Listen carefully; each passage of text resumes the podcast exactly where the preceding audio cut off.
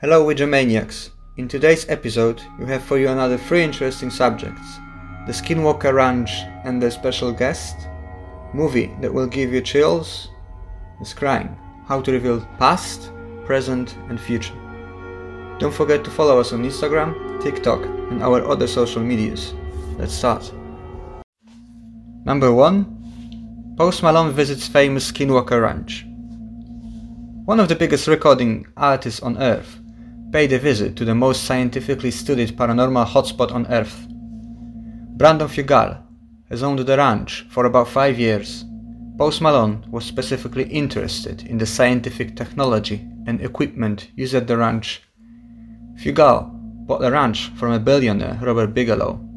Fugal said, I acquired the ranch from elusive aerospace billionaire Robert Bigelow out of Nevada nearly five years ago and launched my own expanded investigation of the property and the claims UFO activity, cattle mutilations, orbs, and other high strangeness.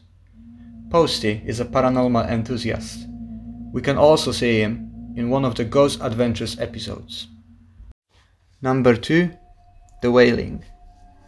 There's no denying, 2016 was a great year for Korean horror films.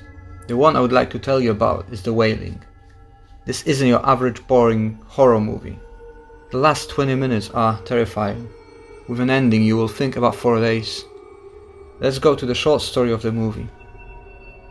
A plague of murder and illness has spread through a mountain village, in which the afflicted go mad before dying in gruesome ways. There's no ghost behind this one, it's the prospect of bare evil that can shock you and the characters. The true evil lies in human nature. Number 3. The scrying. There is no definitive distinction between scrying and other aids, but roughly speaking, scrying depends on fancied impressions of visions in the medium choice. Scrying is neither a single clearly defined nor a formal discipline, and there is no uniformity in the procedures. Scrying has been practiced in many cultures in the belief it can reveal the past, present, or future. Some practitioners assert the visions that come when one stares in, into the media are from their subconscious or imagination, while others says it comes from gods, spirits, and even devil. Nostradamus practiced scrying. He would stare into a bowl of water or a magic mirror to see the future while he was in a trance. Would you give a go?